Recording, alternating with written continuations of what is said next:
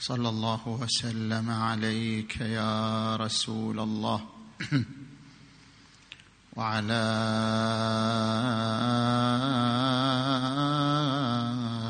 أهل بيتك المنتجبين يا ليتنا كنا معكم. فنفوز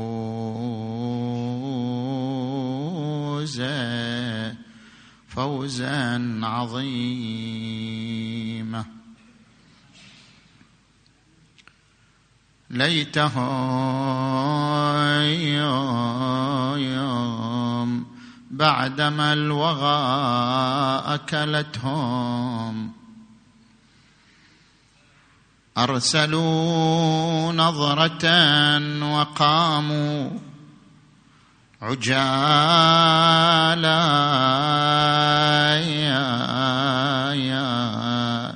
ليروا بعدهم كرائم عز زلزل الدهر عزها زلزالا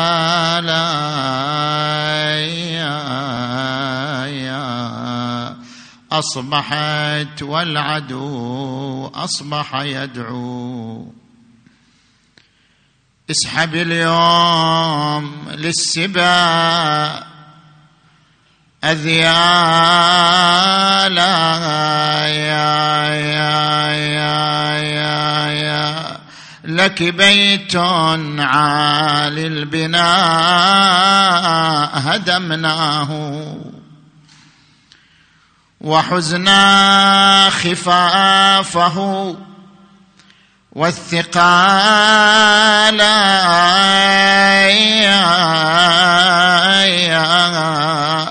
ذهب المانعون عنك فقومي.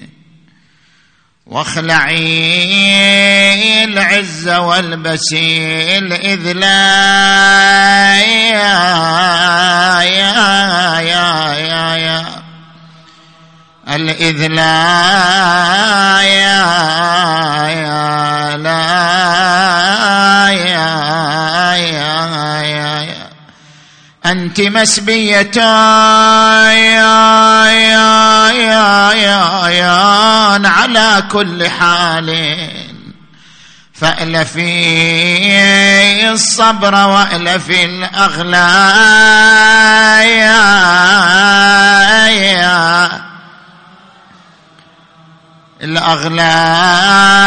يا لا. كم ترجين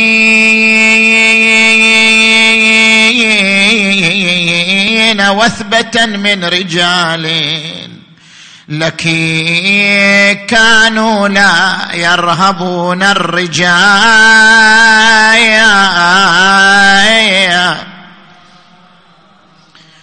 الرجال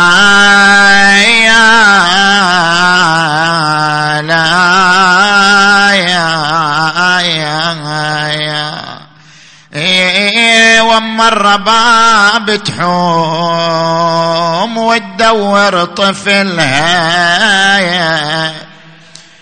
وتحين حنين أم الفصيل على شبلها كثر الحزن والنوح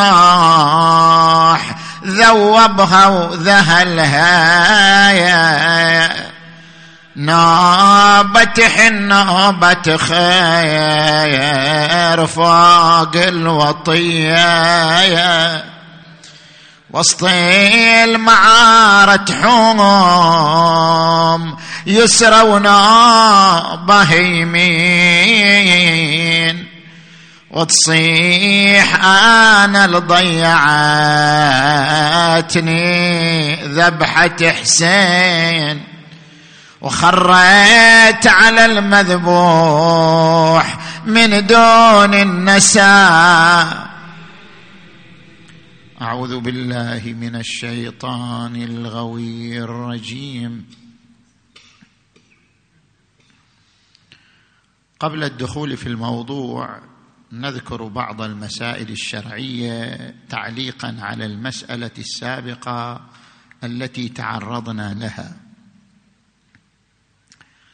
ذكرنا فيما سبق أن الإنسان إذا كان مدينا للمؤونة كما إذا كان مدينا لشراء بيت أو لشراء سيارة أو لعلاج مرض مستمر فإنه كما يستثني دينه في السنة الأولى يستثني دينه أيضا في السنة الثانية والسنة الثالثة ما دام الدين باقيا وما دامت المؤنه باقية.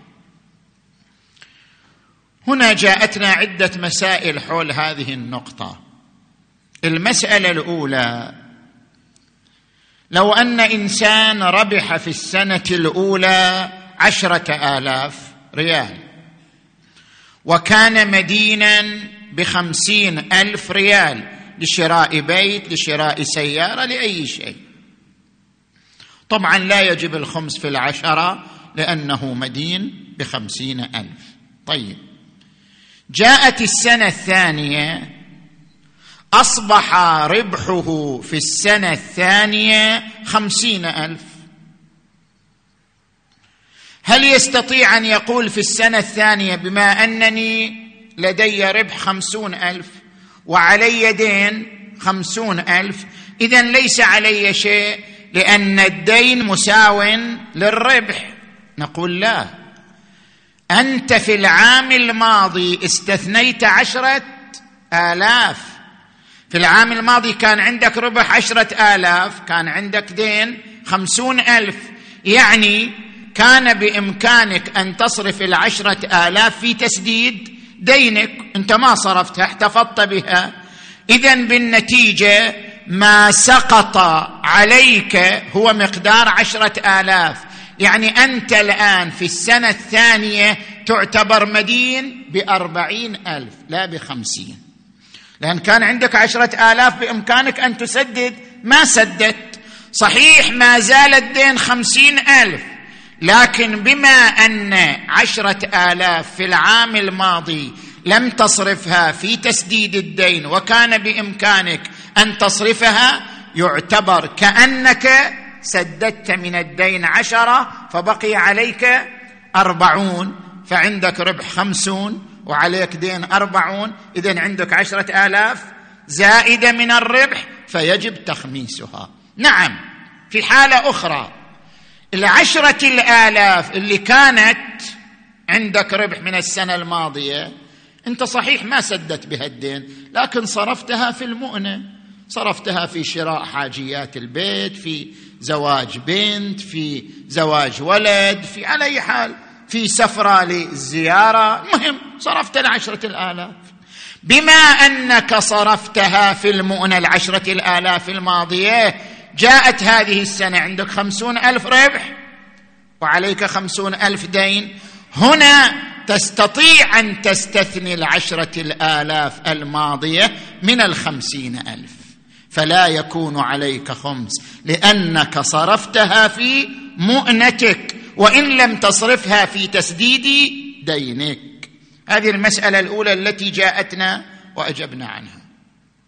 المسألة الثانية هل ما يدخره الإنسان للمؤنة يعتبر مؤنة؟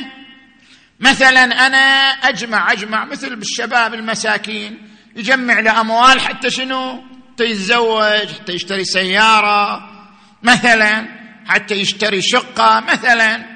فيجمع أموال لمدة ثلاث سنين أربع سنين يجمع هذه الأموال. ما يدخره للمؤنة هل يعد من المؤنة؟ فلا يجب فيه الخمس أم لا؟ من كان مقلد للسيد القلبيقاني يعني أدرك السيد القلبيقاني في حياته وقلده لأنه عامة أو أغلب الشيعة بعد السيد الخوي رجعوا إلى سيد القلبيقاني قبل أن يرجعوا للسيد السيستاني. من قلد السيد القلبيقاني رحمه الله ويراه الاعلم من المرجع الحي يبقى عليه. سيد القلبيداني عند هذه المسألة. كل ما يدخره الإنسان للمؤنه لا خمس عليه. ترض إنسان يجمع له من خمس سنين مئة ألف لا خمس فيها. ما دام جمعها لاجل زواج أو سيارة أو بيت أو أو يعني لمؤنه لنفقه ما يجمعه الإنسان للمؤنة يعتبر مؤنة فلا يجب فيه خمس. أما السيد الخوئي والسيد السيستاني عندهم لا. الأموال المدخرة ما دامت لم تصرف بعد فيتعلق بها الخمس إذا مر عليها سنة أو أكثر. هذه المسألة الثانية. المسألة الثالثة هل الدين يشمل فوائد البنك؟ الآن أنا وأغلب الناس الآن تقترض من البنك بعد من وين تقترض؟ أكو واحد يقرض كذي يعني؟ ماكو. فالناس تقترض من البنك البنك هم يأخذ فوائد طبيعي. هل الفوائد التي يأخذها البنك؟ أنا اقترضت من البنك أربعون أربعين ألف صار القرض والفوائد مثلا خمسة وأربعين ألف. طبيعي أربعين ألف دين. أقدر أستثني من الربح وما علي خمس. بس الخمسة هذه الفوائد. هل أيضا تعتبر دينا وتستثنى من الربح؟ لا مسامحة مسامحة. ما يأخذه البنك من فوائد لا يعتبر ضمن الدين الشرعي فلا يصح استثناؤه من الربح. هذا ما يتعلق بالمسائل التي أردنا استعراضها. صلوا على محمد وآل محمد.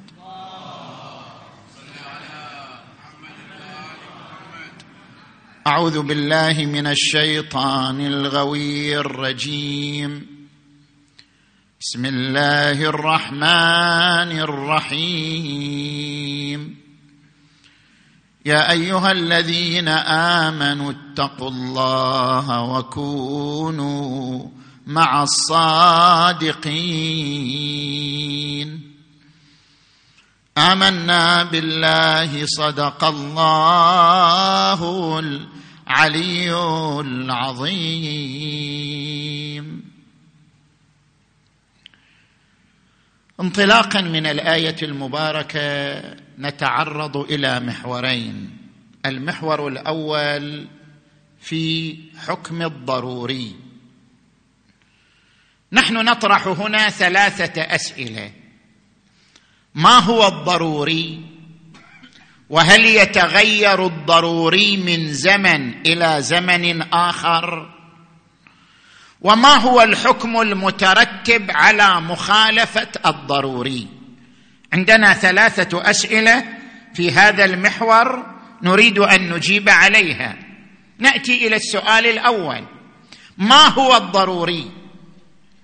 عندما نقول هذا الشيء من ضروريات الدين وجوب الصلاة من ضروريات الدين وجوب الحج على المستطيع من ضروريات الدين ما معنى من ضروريات الدين؟ ماذا نقصد بكلمة الضروري؟ الضروري ما تسالم عليه المتشرعه بما هم متشرعه على أنه من الدين أو من مذهب أهل البيت عليهم السلام.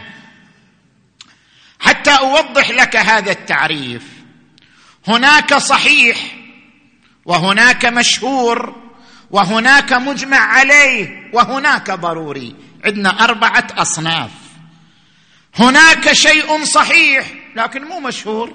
مثلا سأقرأ لك في آخر المجلس ما رواه الشيخ الصدوق عن الإمام الرضا عليه السلام بسند صحيح أن الإمام المعصوم لا ظل له.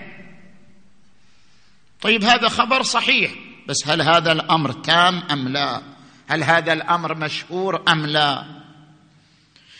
هذا خبر صحيح ليس كل ما هو صحيح يعني أنه ضروري يعني أنه مشهور يعني أنه مستفيض. هذا صحيح لكن ليس بمشهور. مثلا نجي إلى ما هو المشهور. المشهور لدى علماء الإمامية أن الخمسة أصحاب الكساء محمدا وعليا وفاطمة وحسنا وحسينا أفضل من البقية.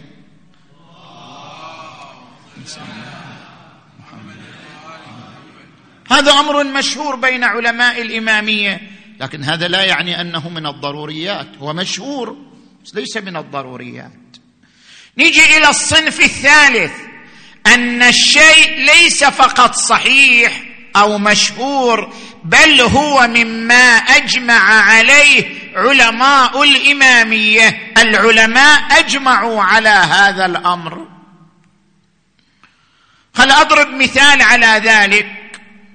أن غيبة الإمام الحجة عجل الله فرجه الشريف غيبه عنوانية لا جسدية.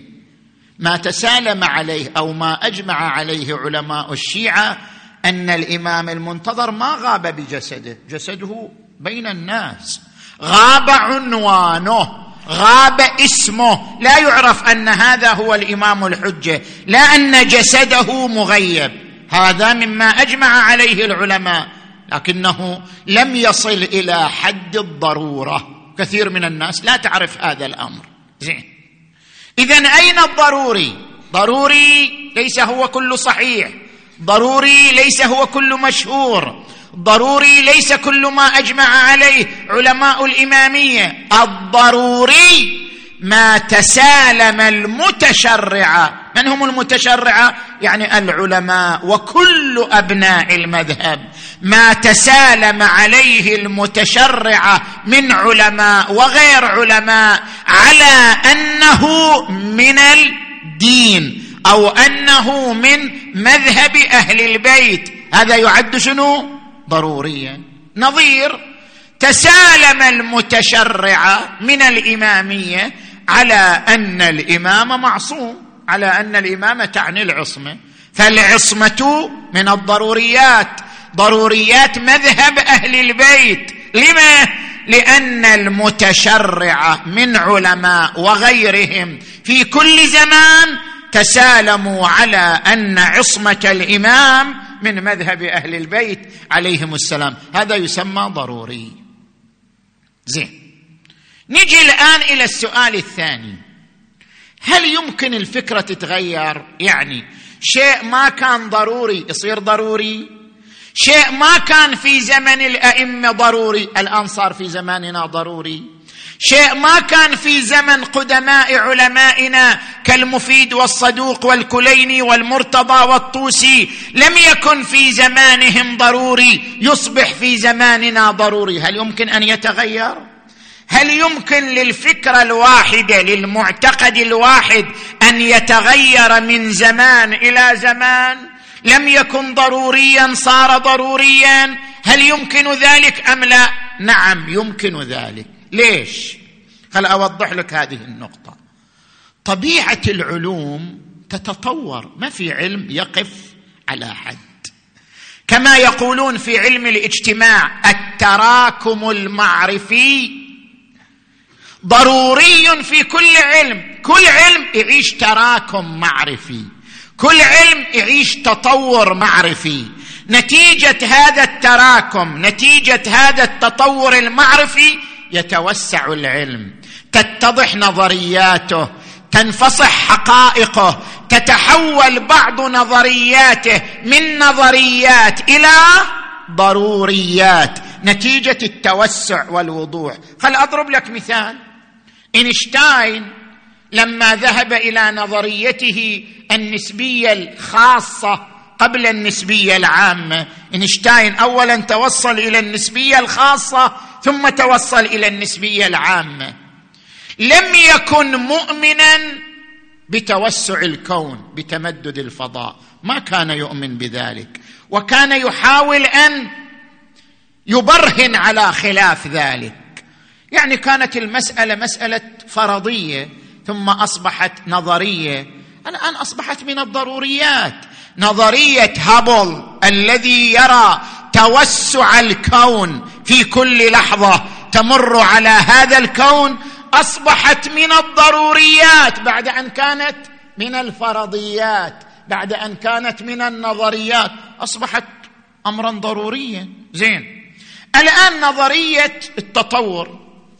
نظرية التطور أن الإنسان والشمبانزي و و و لهما سلف مشترك يجمعهما. ما زالت نظرية يمكن في المستقبل تصير من الضرورات. لعل العلم يتوسع تتضح بعض الحقائق تنكشف بعض البراهين تتحول هذه النظرية من كونها نظرية إلى كونها أمرا من ضرورات العلم. من معطيات الضرورية للعلم. ممكن ذلك. كل علم نتيجة التراكم المعرفي قابل لأن يتطور قابل لأن تخرج نظرياته من كونها نظريات إلى كونها ضروريات. هذا أمر ممكن جدا لأجل ذلك. حتى علم الدين حتى حقائق الدين. تتطور يا أخي. يعني هل من المعقول أن ادوات أدوات فهم النص اللي كانت موجودة عند القدماء مثلها موجودة عند علمائنا الآن؟ طبيعي لا. أدوات فهم النص تطورت. أدوات فهم النص تجددت. علماؤنا في العصر الحاضر يملكون من العمق والدقة ما لا يملكه العلماء السابقون. هذا طبيعة العلم. العلم يتغير العلم يتطور. هذا أمر طبيعي. عندما تقارن السيد محمد باقر الصدر مع العلامة الحلي مع السيد المرتضى من الطبيعي أن تقول السيد محمد باقر الصدر أقوى عمقا أكثر تجديدا أدق فهما ممن سبقه من العلماء. طبيعة العلوم تتطور.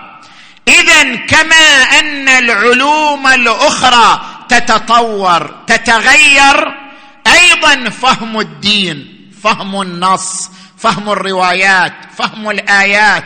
نحن الآن في زماننا نفهم النصوص القرآنية والنصوص النبوية أكثر مما يفهمها الصحابة الذين كانوا مع رسول الله. أكثر مما يفهمها المعاصرون لأهل البيت عليهم السلام. نحن نفهم لأن الأدوات أدوات فهم النص أدوات تحليل النص تطورت عندنا وتجددت بما لم يحصل عليه السابقون. وهذا أمر واضح في كل علم ومنه علم الدين ومنه علم الفقه ومنه علم الكلام ومنه علم العقائد. نحن الآن في زماننا هذا أدوات النص صرنا نستخدم الفلسفة في فهم النص. صرنا نستخدم علم النفس صرنا نستخدم علم الاجتماع صرنا نستخدم العلوم الحديثة في فهم النص ولم يكن يستخدمها العلماء السابقون. كلما تطورت العلوم توسعت أدوات المعرفة وكان فهم النص أكثر عمقا وأكثر دقة. لأجل ذلك ليس من الغريب أن يقال أن ما كان نظريا في زمن الأئمة صار عندنا ضروريا. ما كان فرضية أصبح عندنا من الضروريات لأننا امتلكنا أدوات للفهم لم يمتلكها من سبقنا. زين. كيف يتشكل الضروري؟ كيف الشيء يصير ضروري؟ طيب. فكرة لم تكن من الضروريات أصبحت من الضروريات. الآن مثلا أضرب لك مثال. زيارة استحباب زيارة قبر النبي محمد.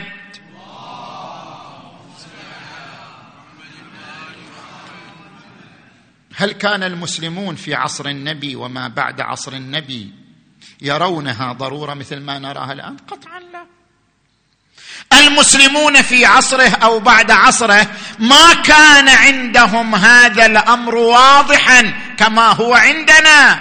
نحن الآن لما تلقينا الآلاف من الروايات وقمنا بغربلتها وتنقيح أسنادها وأخضعناها لأدوات الفهم وأخضعناها لأدوات التحليل وصلنا إلى أمر ضروري. صار استحباب زيارة النبي من ضروريات الدين. بل إن زيارة النبي المصطفى أفضل الزيارات على الإطلاق. زيارة النبي المصطفى أفضل من زيارة أي إمام وأي معصوم. هذا الأمر صار واضحا لدينا. لماذا؟ لأن أدوات الفهم أدوات تحليل النص أصبحت عندنا متوفرة ومتوسعة أكثر مما كانت لمن سبقنا. اذا كيف يتشكل الضروري؟ يتشكل الضروري بثلاثة عناصر. العنصر الأول أن يكون له برهان. ما في شيء يصير ضروري للدين أو للمذهب ما عليه برهان. لابد أن يكون له برهان. الضروري أن يكون عليه برهان. ثانيا أن يجمع العلماء عليه لأنهم رأوا برهانا تاما فأجمعوا عليه. ثالثا أن يحصل له شيوع ورواج عند المتشرعة من أبناء الدين أو أبناء مذهب أهل البيت فيصبح امرا ضروريا. فهناك ثلاثة عناصر. البرهان إجماع العلماء شيوعه لدى المتشرعة. إذا اجتمعت هذه العناصر الثلاثة أصبح من الضروريات بعد أن كان من النظريات. ربما الآن أنا أضرب لك مثال. ربما في زمن الأئمة ما كان العلم اللدني من الضروريات. يعني ما كان أصحاب الأئمة متضح لديهم أن وجدان الإمام لعلم لدني من الضروريات. أصبح الآن نتيجة وفرة النصوص وفرة الروايات أدوات فهم هذه الروايات أصبح عندنا من الضروريات. اذا من الممكن أن ينتقل المفهوم من كونه نظريا إلى كونه ضروريا بحسب العصور والأزمنة. هذا أمر ممكن. زين نجي إلى السؤال الثالث. طيب ما هو حكم مخالفة الضروري جاء واحد يقول هذا ضروري بس أنا ما أؤمن به. مثلا سيد الخوئي نفسه يبحث هذا البحث في الجزء الثالث من موسوعته الفقهية المباركة صفحة 85 ارجع إلى بحث السيد الخوئي لنفترض أن شخصا قال أنا ما أؤمن. لا أؤمن بحرمة الربا. تقول الربا حرام. أنا ما أؤمن بحرمة الربا. ونحن نرى أن حرمة الربا من الضروريات. شخص يقول أنا لا أؤمن بذلك. أنا أشوف الربا حلال. شو المشكلة؟ ما هو حكم مخالفة الضروري؟ يقول لك أنا أؤمن بالله. أؤمن بالنبي. بس هذا ما أؤمن به. هذا الحكم ما أؤمن به. طيب. سيد الخوئي في هذا البحث يقول كلمة الضروري ألف لام ضاء راء واو راء يا ما جاءت في آية ولا رواية. حتى إحنا ندور مدارها. ما هو الضروري؟ ما هو حد الضروري؟ ما هو حكم مخالفة الضروري؟ هذا العنوان لم يرد لا في آية ولا في رواية. حتى نحن ندور عليه. إذا عندنا نحن ميزان. ما هو الميزان؟ سواء كان الحكم ضروري أو غير ضروري. كلمة الضروري لا تأثير لها في المسألة. كل حكم شرعي كل معتقد من أنكره لعدم قناعته به يعني قاصر رجال ما اقتنع بالأدلة. رجل لم يقتنع بالأدلة أنت طرحت عليه الأدلة أن الإمام عليه السلام مثلا أن الإمام عليه السلام لا ظل له. طرحت عليه ما اقتنع بذلك. أدلة ما اقتنع بها ما زال يناقش فيها. إذا كان الشخص لم يقتنع بالفكرة لأنه يناقش في أدلتها ما زال عند مناقشة في الأدلة المعروضة.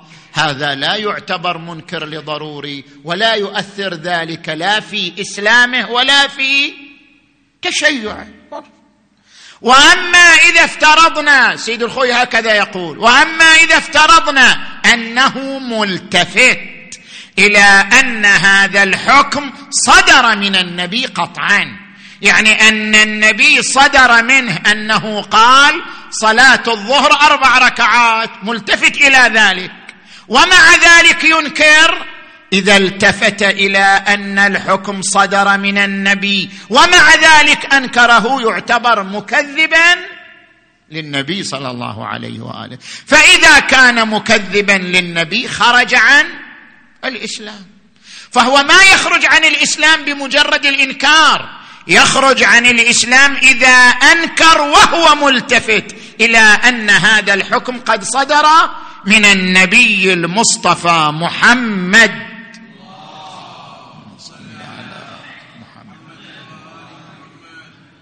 فإنكار الضروري إنما يستلزم الخروج عن الإسلام إذا استلزم تكذيب النبي صلى الله عليه وآله.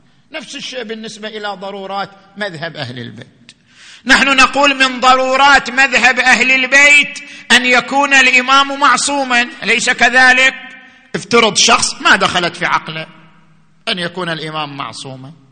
لأجل قصور فهمه لأجل مناقشته في الأدلة لأجل أن له شبهة أخرى في قبال هذه الأدلة. هل يعتبر بذلك خارجا عن التشيع؟ لا ما يعتبر. إنما يعتبر خارجا عن التشيع إذا التفت إلى أن هذا المفهوم وهذا المعتقد صدر عن أهل البيت عليهم السلام قطعا. ومع ذلك لا يقبل به يعتبر مكذبا لأهل البيت. وإذا كان مكذبا لأهل البيت حينئذ يخرج عن عنوان التشيع. فليس كل إنكار لضروري مستلزما للخروج عن الدين أو مستلزما للخروج عن مذهب أهل البيت. صلوات الله عليهم أجمعين. هذا ما أردنا عرضه في المحور الأول. الآن ندخل في المحور الثاني. صلوا على محمد وآل محمد.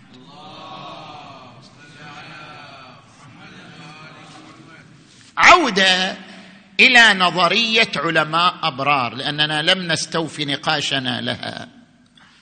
ذكرنا قبل ثلاث ليال أن الدكتور محسن كديور هذا المفكر الإيراني إلى كتاب القراءة المنسية.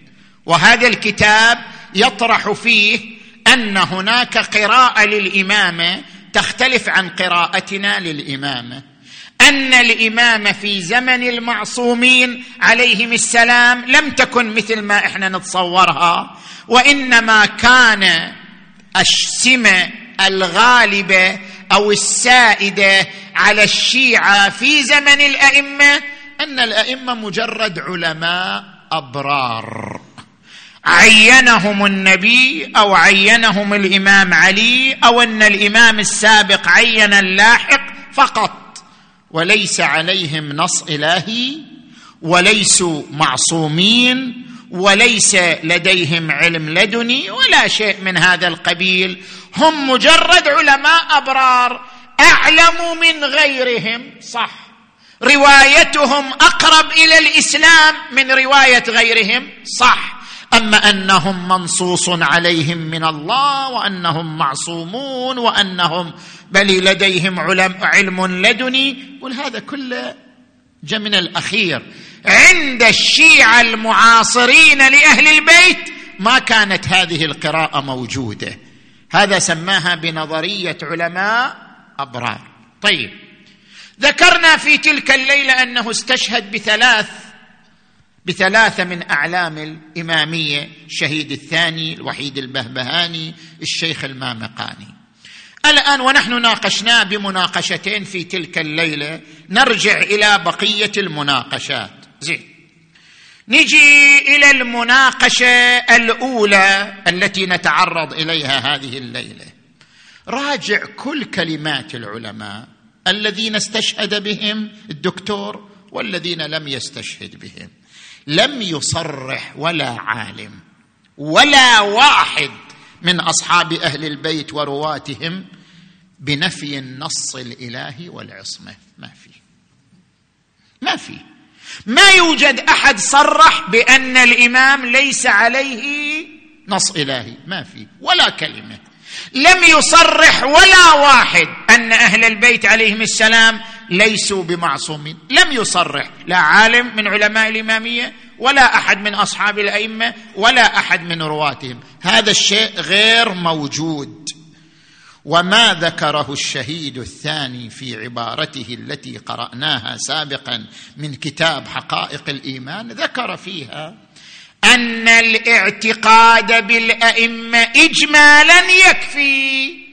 يعني لو اعتقد المؤمن أنهم أئمة يجب طاعتهم من دون أن يلتفت مو من دون أن ينكر ركزوا على هذه الكلمة من دون أن يلتفت إلى أن لديهم علم لدني إلى أن لديهم عصمة إلى أن النص من النبي هو نص من الله عز وجل.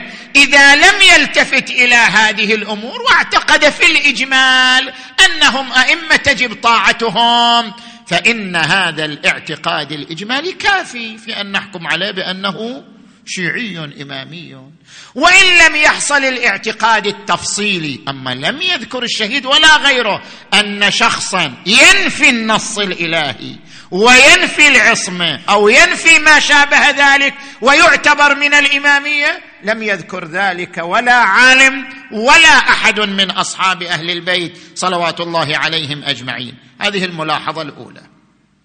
الملاحظة الثانية الدكتور مع احترامنا له نحن نناقشه مناقشة علمية ليس فيها تجريح وليس فيها اعتداء. يجب أن تكون مناقشاتنا للأفكار مناقشات علمية خالية من التجريح والاعتداء والتطاول. مناقشة في ضوء المنهج العلمي وفي ضوء الميزان العلمي. نجي إلى المناقشة الثانية. الدكتور يقول أن النبي نص. يعني هو يعترف أن النبي نص. نص على الإمام علي. وأن كل إمام سابق نص على الإمام اللاحق. ويقول أكو نص بس يقول هذا مو نص إلهي. نحن هنا نتستغرب كيف يكون نص النبي ليس نصا شنو؟ الهيا. طيب من أين عرفنا أن الصلاة أربع ركعات عند الله لولا نص النبي؟ النبي قال صلاة الظهر أربع ركعات النبي قال صلاة الفجر ثلاث ركعتان النبي قال صلاة المغرب ثلاث ركعات. من أين ننسب هذه النصوص إلى الله؟ مع أن النبي هو الذي قالها ولم ترد في القرآن الكريم. النبي قال صلاة الفجر ركعتان والظهر أربع والمغرب ثلاث ولم يذكر ذلك القرآن الكريم أصلا. مع ذلك نقول ما قاله النبي هو شنو؟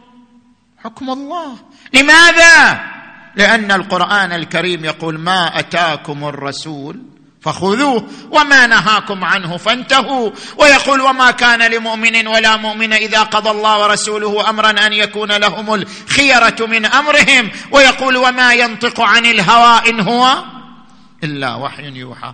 كما أن كلامه في الأحكام يعتبر كلاما لله كذلك قوله ألا فمن كنت مولاه فهذا علي مولاه وقوله أنت مني بمنزلة هارون من موسى إلا أنه لا نبي بعدي فالتفكيك بين نص النبي ونص الله تفكيك مستغرب.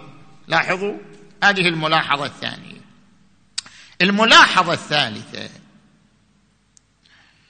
نقل ثلاث عبارات. عبارة للشهيد الثاني في حقائق الإيمان. عبارة للوحيد البهبهاني في الفوائد الرجالية. عبارة للشيخ المامقاني في كتابه تنقيح المقال. ثم قال أن المستفاد من هذه العبارات أن نظرية علماء أبرار هي السمة السائدة في زمن الأئمة. يعني في القرن الأول والقرن الثاني والقرن الثالث السمة السائدة بين الشيعة هي نظرية علماء أبرار. لاحظوا ما ذكره.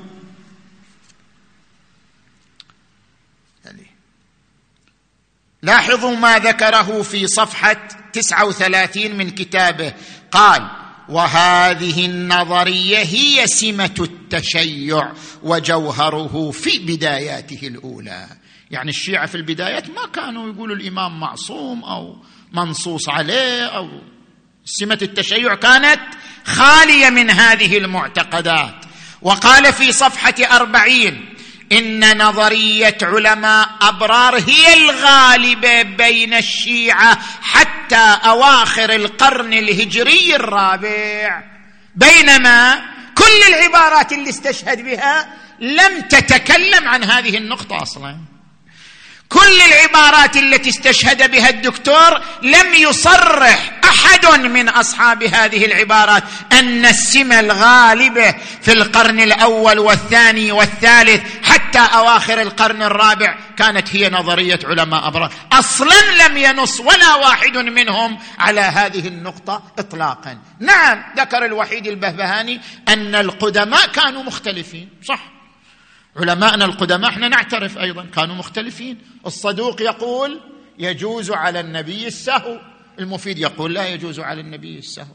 الصدوق ينفي التفويض غيره يقول بالتفويض. نعم علماؤنا القدماء كانوا مختلفين في بعض المعتقدات. هذا ما ننكر. أما أن النظرية السائدة بين الشيعة في أزمنة الأئمة كانت هي نظرية علماء أبرار هذا ما وجدناه في عبارة من هذه العبارات التي نقلها في الكتاب. زين. بعد. الملاحظة الرابعة. هل من المنطق العلمي أنتم أنصفونا؟ هو نقل عن ثلاثة علماء.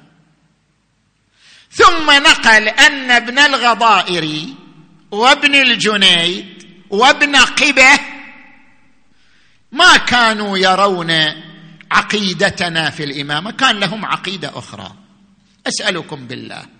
ثلاثة من العلماء ابن الغضائري ابن الجنيد ابن قبة ما كانوا يعتقدون بما نعتقد به أن الإمام لديه علم لدني وأنه معصوم عصمة مطلقة وأنه وأنه ما كانوا يعتقدون. هل هذا يشكل الغلبة؟ هل هذا يشكل أن الغالب بين الشيعة كانوا على هذه النظرية؟ أو أنك تستند إلى عبارات ثلاث من عبائر علمائنا المتأخرين كالشهيد الثاني والوحيد البهبهاني والشيخ المامقاني وتقول هذه العبارات تفيد ذلك. هل من خلال عبارات ثلاث يمكن أن يستكشف ما هو النظرية السائدة لعقيدة الإمامة في زمان المعصومين عليهم السلام؟ هذا لا يتوافق مع المنطق العلمي هذا لا يتوافق مع الدقة العلمية حتى تؤسس على طبقه نظرية خصوصا خصوصا بالنسبة إلى عبارة الشيخ المامقاني. لاحظوا معي يا إخوان إحنا نقبل بالشهيد الثاني لأنه من أعاظم علماء الإمامية نقبل بالوحيد البهبهاني من أكابر.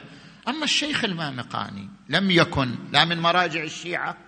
نعم عالم.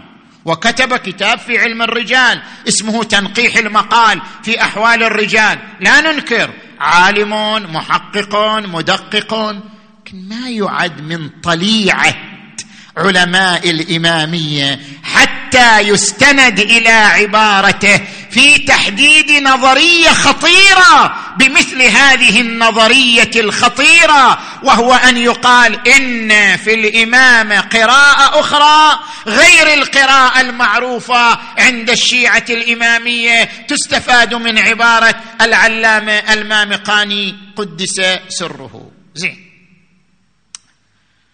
العلامة المامقاني إحنا ما نقبل عبارته ليش؟ لأن شوفوا عبارة العلامة المامقاني.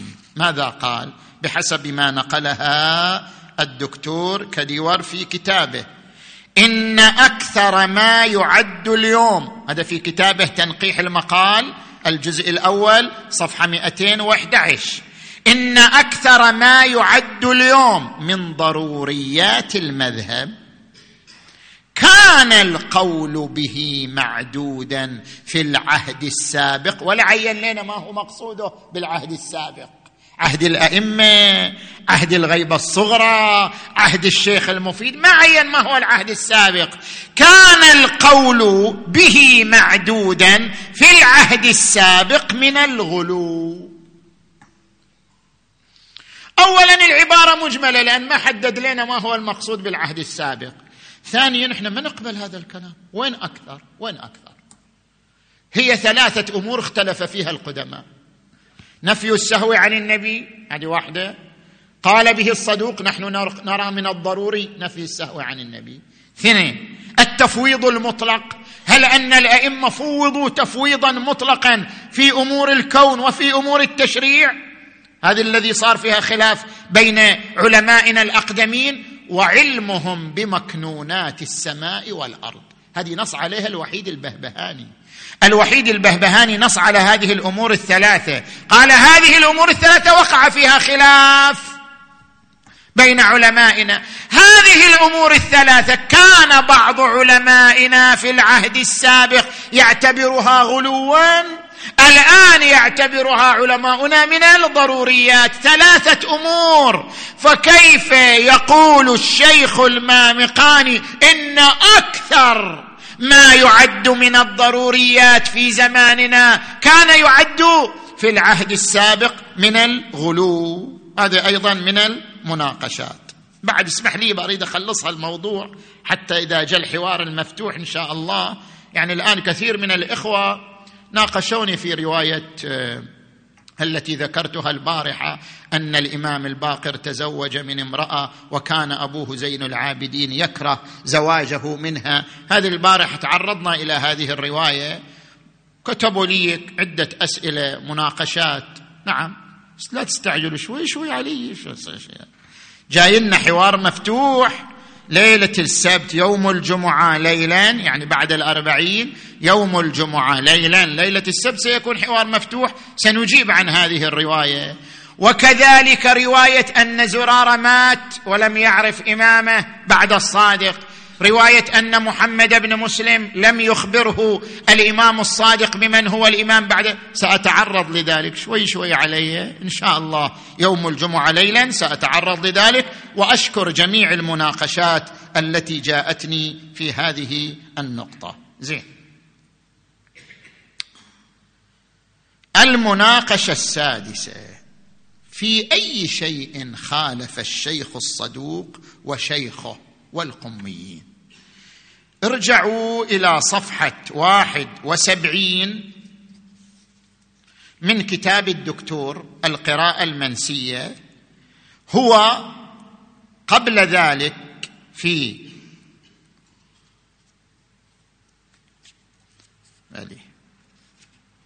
قبل ذلك نسب القميين يعني قال القميين هم ممن مشائخ قم عفوا. قال في صفحة ثمانية وستين أن مشائخ قم يختلفون عنا في عقيدتنا في الإمامة. هل هذا فعلا موجود أم لا؟ من الذي يمثل مشائخ قم الشيخ الصدوق من قم كان وأبوه وشيخه محمد بن الحسن بن الوليد دول كانوا من أهل قم. وجوا إلى بغداد في تلك الأزمنة كانوا يسمونهم القميين. طيب. في أي شيء اختلف الصدوق معنا؟ هو وشيخه محمد بن الحسن بن الوليد ومشائخ قم في أي شيء اختلفوا؟ الآن أقرأ لك عبارة الشيخ الصدوق. راجع كتاب من لا يحضره الفقيه في الجزء الأول صفحة 360 يقول الشيخ الصدوق وكان شيخنا محمد بن الحسن بن الوليد رحمه الله يقول أول درجة في الغلو نفي السهو عن النبي. أول درجة من درجات الغلو أن تقول النبي لا يسهو. هذا معتقد الشيخ الصدوق تبعا لشيخه محمد بن الحسن بن الوليد. ولو جاز أن ترد الأخبار الواردة في هذا المعنى لجاز أن ترد جميع الأخبار وفي ردها إبطال الدين والشريعة. ثم قال إن الغلاة والمفوضة لعنهم الله ينكرون سهو النبي. الغلاة والمفوضة ينكرون سهو النبي. أيضا ذكره في الجزء الأول صفحة 358 368 إن الغلاة والمفوضة لعنهم الله ينكرون سهو النبي. طيب هذا يعني أن الشيخ الصدوق يختلف عنا في أمرين. الأمر الأول أنه يقول سهو النبي عدم سهو النبي من الغلو. يعني النبي يسهو. هذه واحدة يختلف عنا في ذلك. ثانيا هو ما يؤمن بالتفويض المطلق أن النبي فوض أن الله فوض للنبي وأهل بيته أمور الكون وأمور التشريع لا يؤمن به. فهو يختلف معنا في مفردتين. لا أنه يقول بنظرية علماء أبرار ركزوا معي. وإلا لاحظوا الآن انقل لك عبارات الصدوق ماذا يقول في الأئمة صلوات الله عليهم أجمعين. يقول في صفحة ثلاثة وستين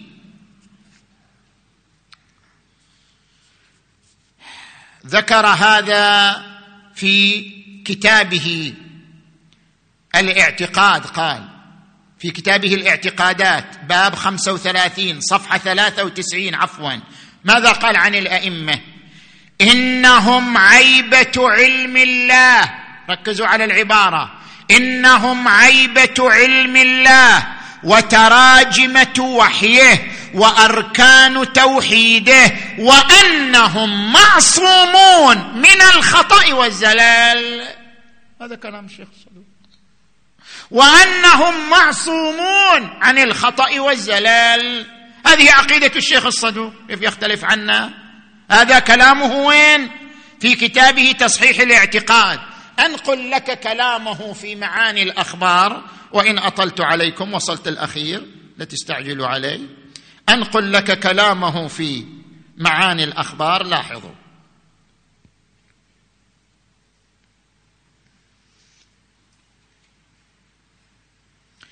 روى الشيخ الصدوق بسند معتبر. في معاني الأخبار صفحة 102 في عيون أخبار الرضا الجزء الثاني صفحة 212 في كتاب الخصال الجزء الثاني صفحة 527 في كتاب الفقيه الجزء الرابع صفحة 418 شوف الشيخ الصدوق شنو يعتقد في الأئمة. أنقل لك. روى بسند معتبر عن علي بن موسى الرضا عليه السلام.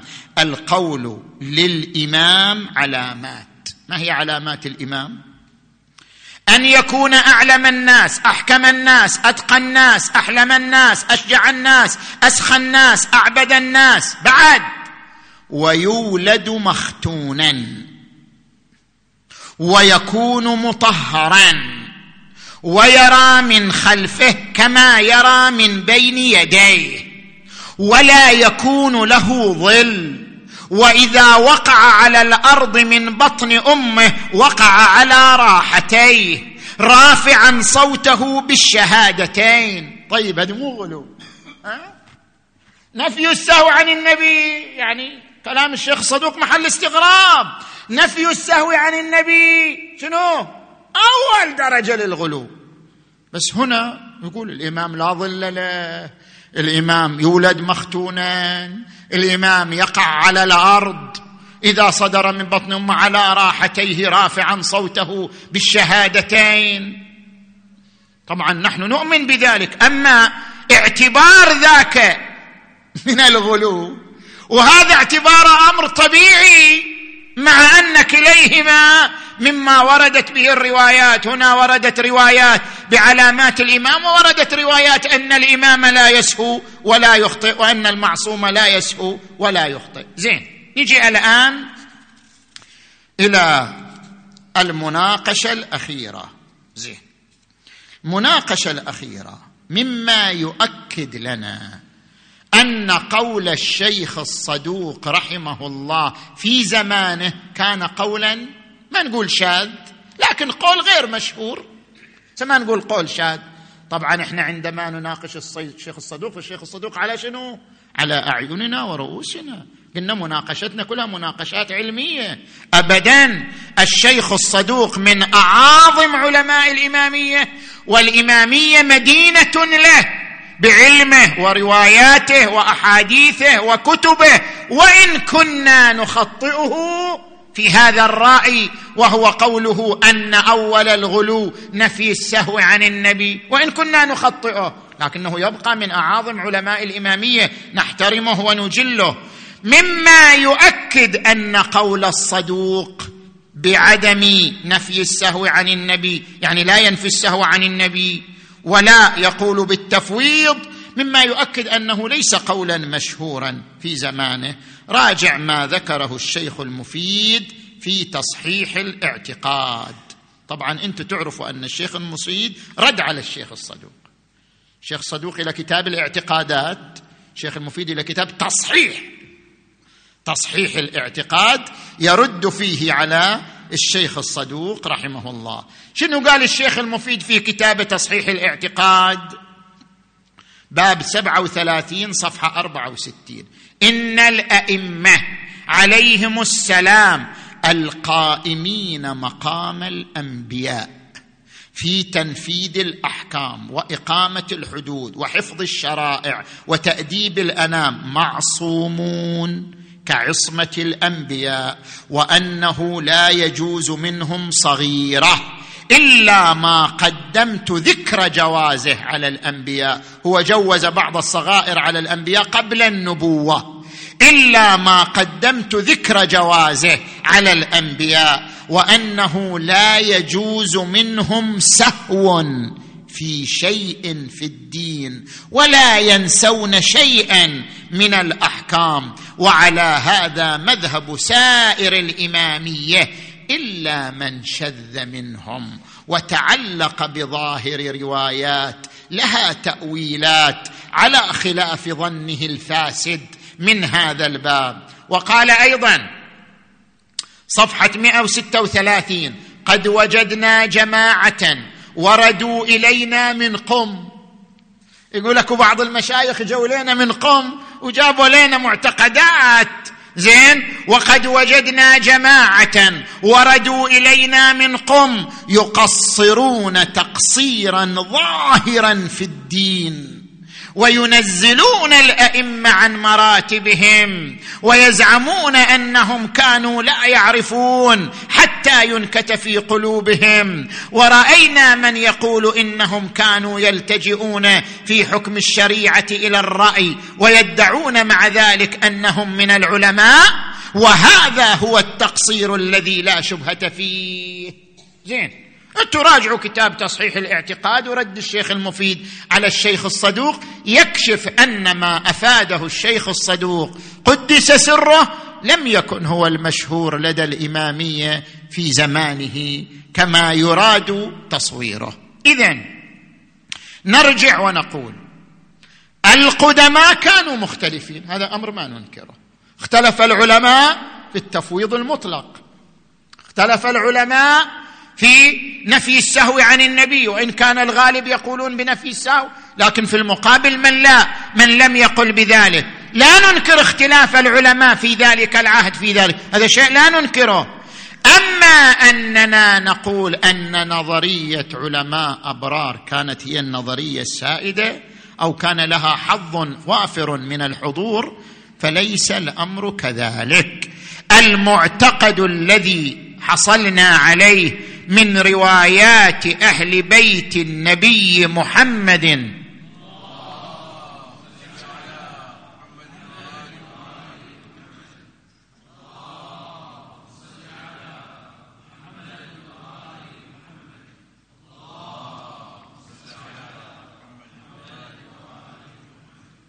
الروايات التي حصلنا عليها هي ما أفادته وما ذكرته الآية المباركة إنما يريد الله ليذهب عنكم الرجس أهل البيت ويطهركم تطهيرا.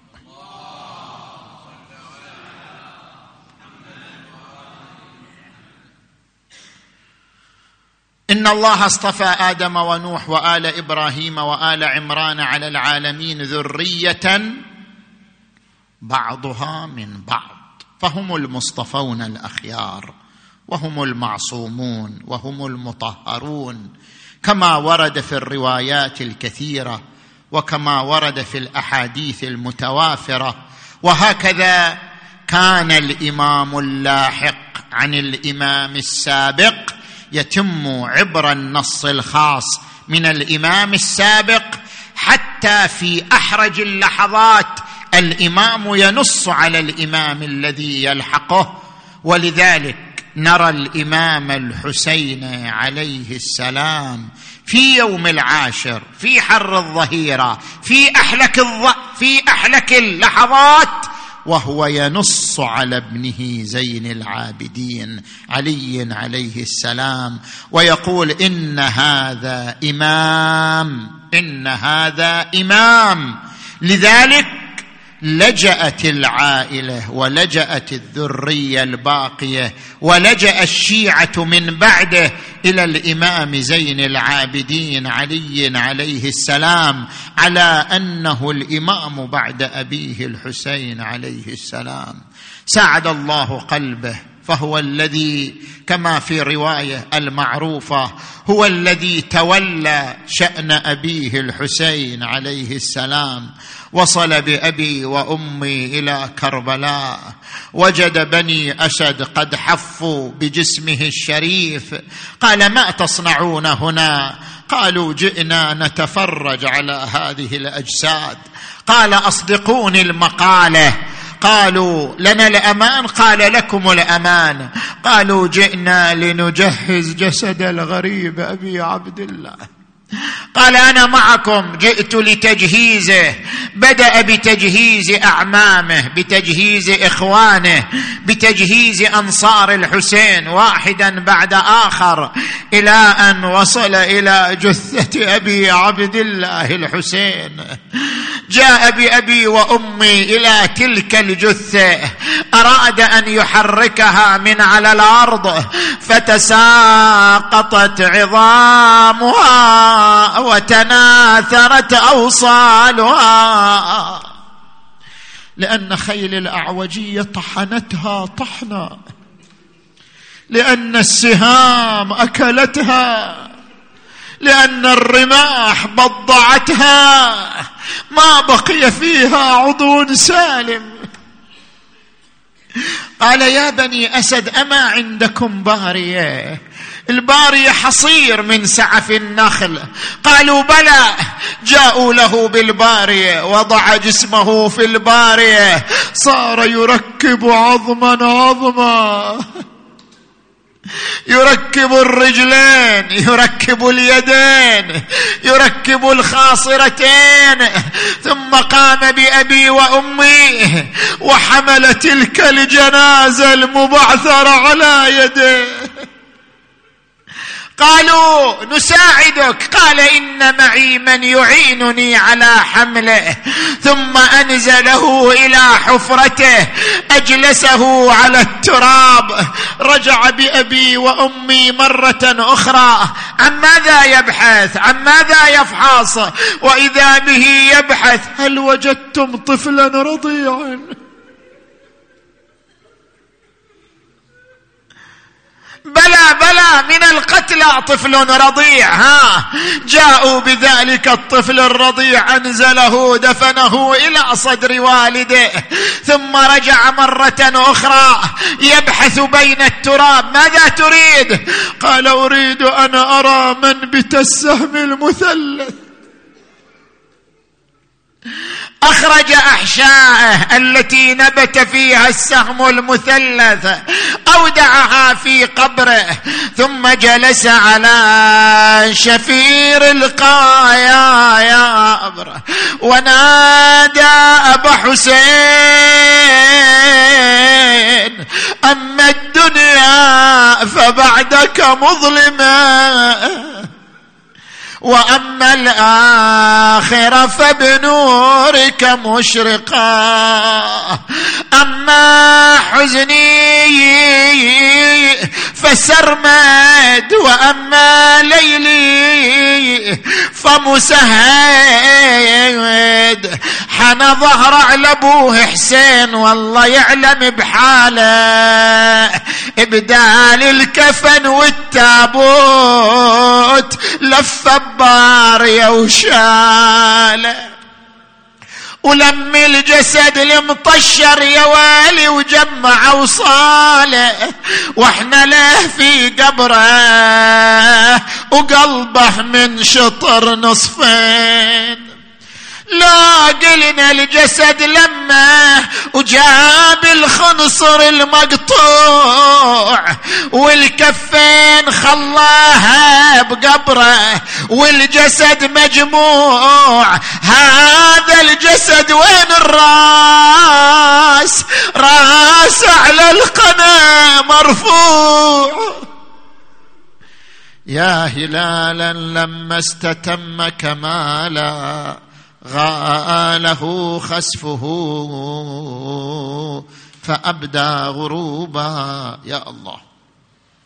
اللهم بمحمد المصطفى وأهل بيته الطيبين الطاهرين. اللهم اغفر ذنوبنا واستر عيوبنا وكفر عنا سيئاتنا وتوفنا مع الأبرار.